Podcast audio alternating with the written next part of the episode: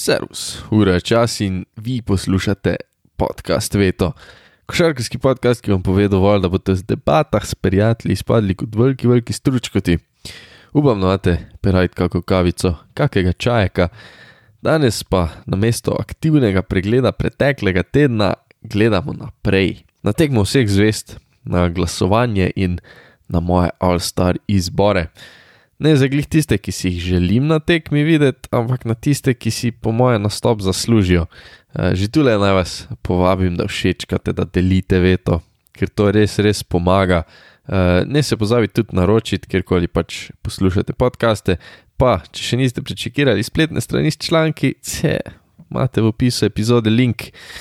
Pa da vidimo, nedavno ne, so padli rezultati drugega kroga fan votinga torej glasovanja navijačev.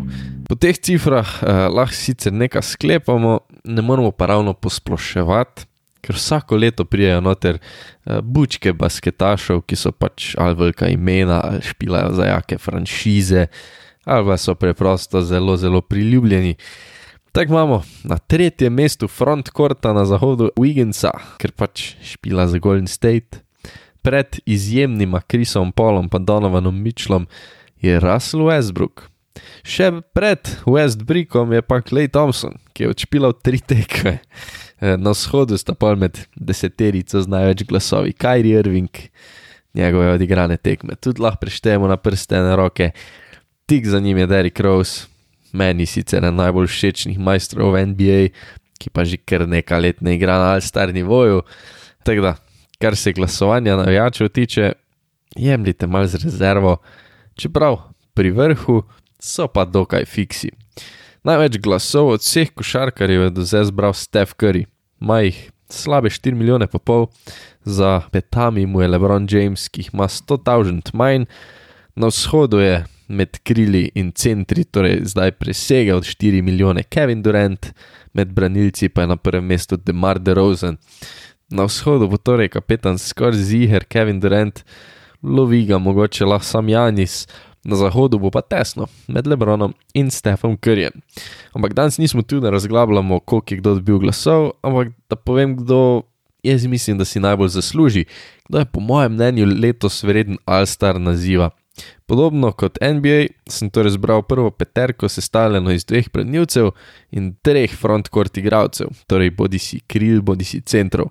Na klopi imam pa tudi sedem košarkarjev, Jaz sem zbral tri branilce, tri visoke košarkarje, tisti zadnji, sedmi, je pa wildcard, torej nek najboljši košarkar, ki je še ostal.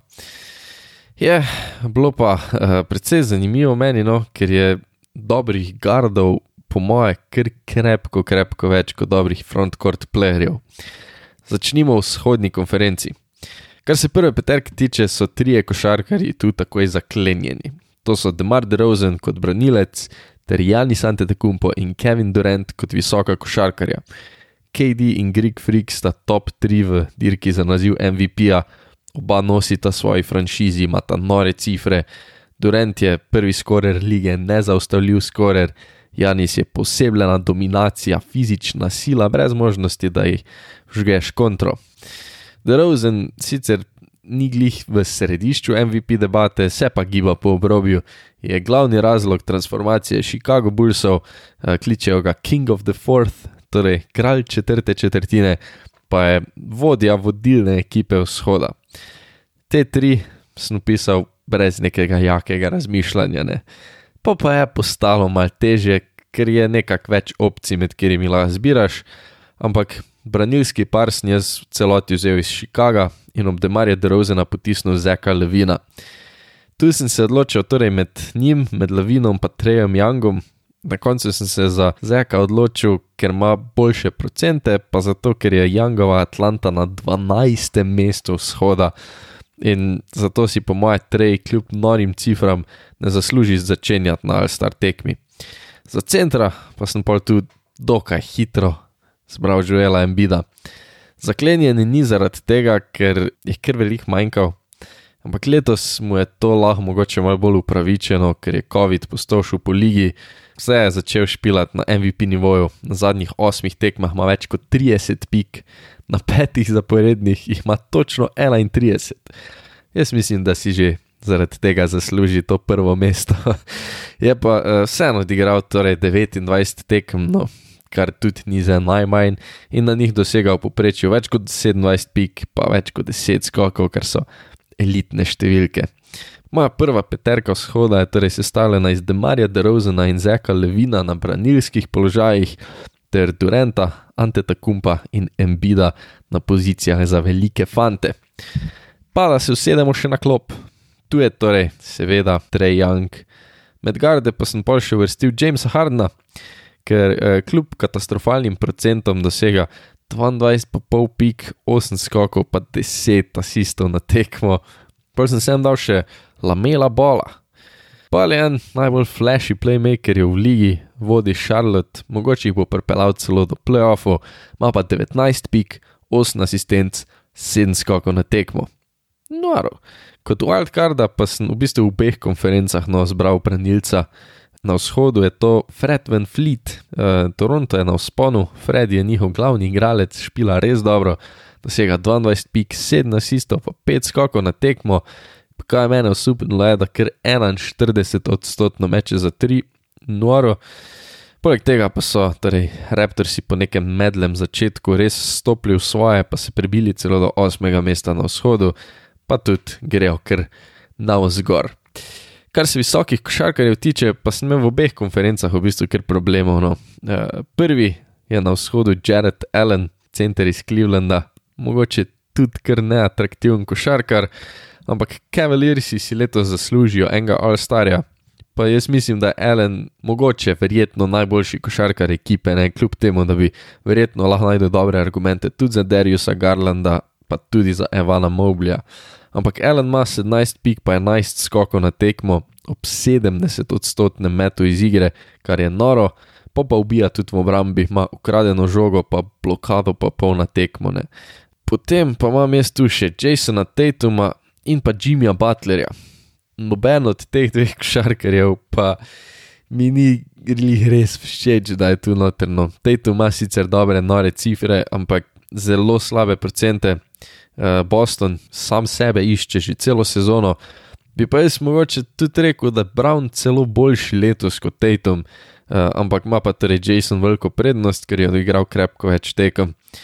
Kar se pa pol Jimmyja Butlera tiče, pa sicer špila dobro, sploh v sezono imel res bolan, ampak odigral je sam 23 tekem zato mi ga res ni bilo noter zadati, ampak preprosto ni neke druge izbire. Miami je druga ekipa shoda, njihov najboljši košarkar je Jimmy in ko špila, špila dobro. Na vzhodu sem torej pol kolebal še med eh, Jalenom Brownom, ampak Boston res lahko dobi sam enega All-Starja, glede na to, da so slabi. Pol Darius Garland, sam isto ne moreš dati dveh noter od Clevelanda. E, najboljše argumente sta verjetno celo imela Bradley Bill pa Drew Holiday. Njuna nesreča je, da nista imela dovolj konstantno norih predstav in da igrata na položaju branilca, ne, ker je pač konkurenca noro večja kot v frontkortu. Poleg Peterke Drozena, Lavina, Janisa, Kadija in Joela na klopi sedijo torej Trey Young, James Harden. Lamelo Bo, Fred Van Fleet, Jared Allen, Jason Tatum in Jimmy Buckets Butler. Če pa je konkurenca branilcev v zahodni konferenci tudi precej jaha, pa je s podobnih visokih košarkarjev še precej manj. E, ne za glih, spodobnih, no, spodobnih je veliko, ampak takih tistih all-star kalibrov, tistih všečnih, flashy. Tudi na zahodu sem prvo peterko gladko, brez študiranja, opisal tri imena: Steph Curry, LeBron James in Nikola Jokič. Tri imena, ki poleg Janisa in Kevina Durenta zaokrožijo peterko MVP favoritov. Tu nima smisla res razglabljati. Zadnja dva starterja zahoda pa sta bila mal težja. Na branilski položaj sem jaz polovrstil majstra, ki letos navdušuje, njegovo moštvo presega vsa pričakovanja, on pa je po mojem, celo najbolj atraktiven basketaš v ligi. Jamorant, tu le debat lahko češ, jaz verjamem, da bi se dalo čist vse branilce, ki jih imam na klopi, tudi uvrstiti v prvo postavo, ampak Ja je letos od vseh, po mojem, najbolj presenetil, pa dnevno lahko gledamo njegove highlighte, njegova ekipa zmaguje. na zadnjo visoko pozicijo pa prav ni všečnega izbora. Ni ga. Jaz sem se bolj dal Draymonda Grina, ker je bil druga opcija, fucking Rudy Gober. Green je izjemno under the radar basketašne, ker kar ponavadi pri All-Star moštvih ne pali, ker je njegova statistika, eh, je pa njegov vpliv dejansko nemerljiv v številkah. Letos je drugi najboljši košarkar Golden State, sicer drugo vrščene ekipe lige, ampak po mojem mnenju najboljše ekipe. Je pa en tak motor, ki skrbi, da njegov sistem, da njihov sistem deluje, da teče, da je lahko kar in tako dober. Green ima 8 pik, 8 skokov, 7 asistov. Uh, statistika ne seka glih vodne, ampak je en najboljših defenderjev v ligi. Na zadnjih desetih tekmah ima dva bloka, pa dve ukradeni žogi na tekmo. Visoki košarkari na zahodu so torej zelo, zelo pomembni za svoje moštvo, ampak zaradi neatraktivnosti, mogoče ne klasični all-star izbori. Je pa od visokih fantov za uspeh svoje ekipe en davč najpomembnejših, Klit Raymond Green. Torej, prva peterka zahoda, Jamorant, Steph Curry, LeBron James, Nikola Jokič in Raymond Green. Zdaj, kar se brenilcev na klopi tiče, je bilo dokaj lahko, ker so vsi, ki bojo zelo omenjeni, noro dobri. Sprve je noter Donovan Mitchell, majster je najboljših ofenzivnih gardov v ligi, ko je vroč, je res vroč, Jazz pa je na njegovih krilih spet en boljših napadov lige. Tu je pol še branilski par Phoenixa, Devin Booker in Chris Paul. CP3 je se dobesedno dvignil iz pepela, jih v eni sezoni spremenil iz ekipe, ki ne pride v končnico, do ekipe, ki igra v finalu, letos pa so spet najboljše moštvo v ligi. Booker je bucket, Chris Paul pa bi še mene zorkestriral do nekega sposobnega NBA igralca. Kot pa sem že rekel, moštvo ima najboljše razmerje zmag in porazov v ligi in so edini, ki še nimajo deset porazov. Kot zadnji pa je tu itak, Donke, o Luki Dončiću vam verjetno ne rabim glih fule razlagati. Čeprav letos ni tako dober, kot bi mogel biti, to je dejstvo, definitivno ni dobro fizično pripravljen, mogoče mu tudi nov sistem ne ustreza, ampak predvsem procentualno je katastrofa. In eh, jaz sicer vem, da ponavadi vidimo samo kako njegovo fukjeno potezo, te so še seveda vedno prisotne, ampak 44 odstotkov iz igre, pa 31 odstotkov za tri, preprosto ni dovolj, čeprav je motor, je srce, je duša dala svojega napada. Pa da gremo še, nažalost, frontcourt klopco spucati, kot sem že omenil. Rudi Gober si zasluži biti tu še en nor obrambnjak, da ti 15 pik, 15 skokov na tekmo. Poleg tega ima karjerno več kot dve blokadi na tekmo, tudi letos, seveda. Potem je tu še Karl Anthony Towns, on je sicer tak bolj flash igralec, ker je skorer pri 8 metrih, tica pa trice, ko boki batina, ampak ne špila obrambe, ko je treba, ne pobere tistega skoka. Za povrh vsega pa špila še za Minnesota Timberwolves, ki so pod njegovim vodstvom vse prej kot neka uspešna NBA franšiza.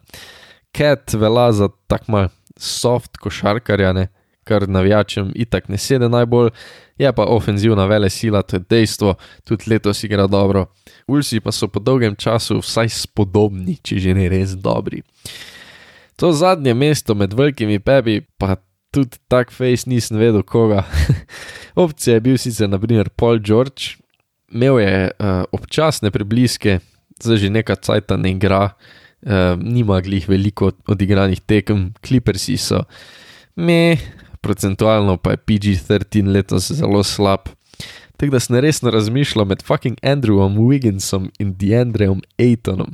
Prihajata iz franšiz, ki že imata dva All-Starja, torej iz Golden State pa Phoenixa, sta člana najboljših ekip v ligi.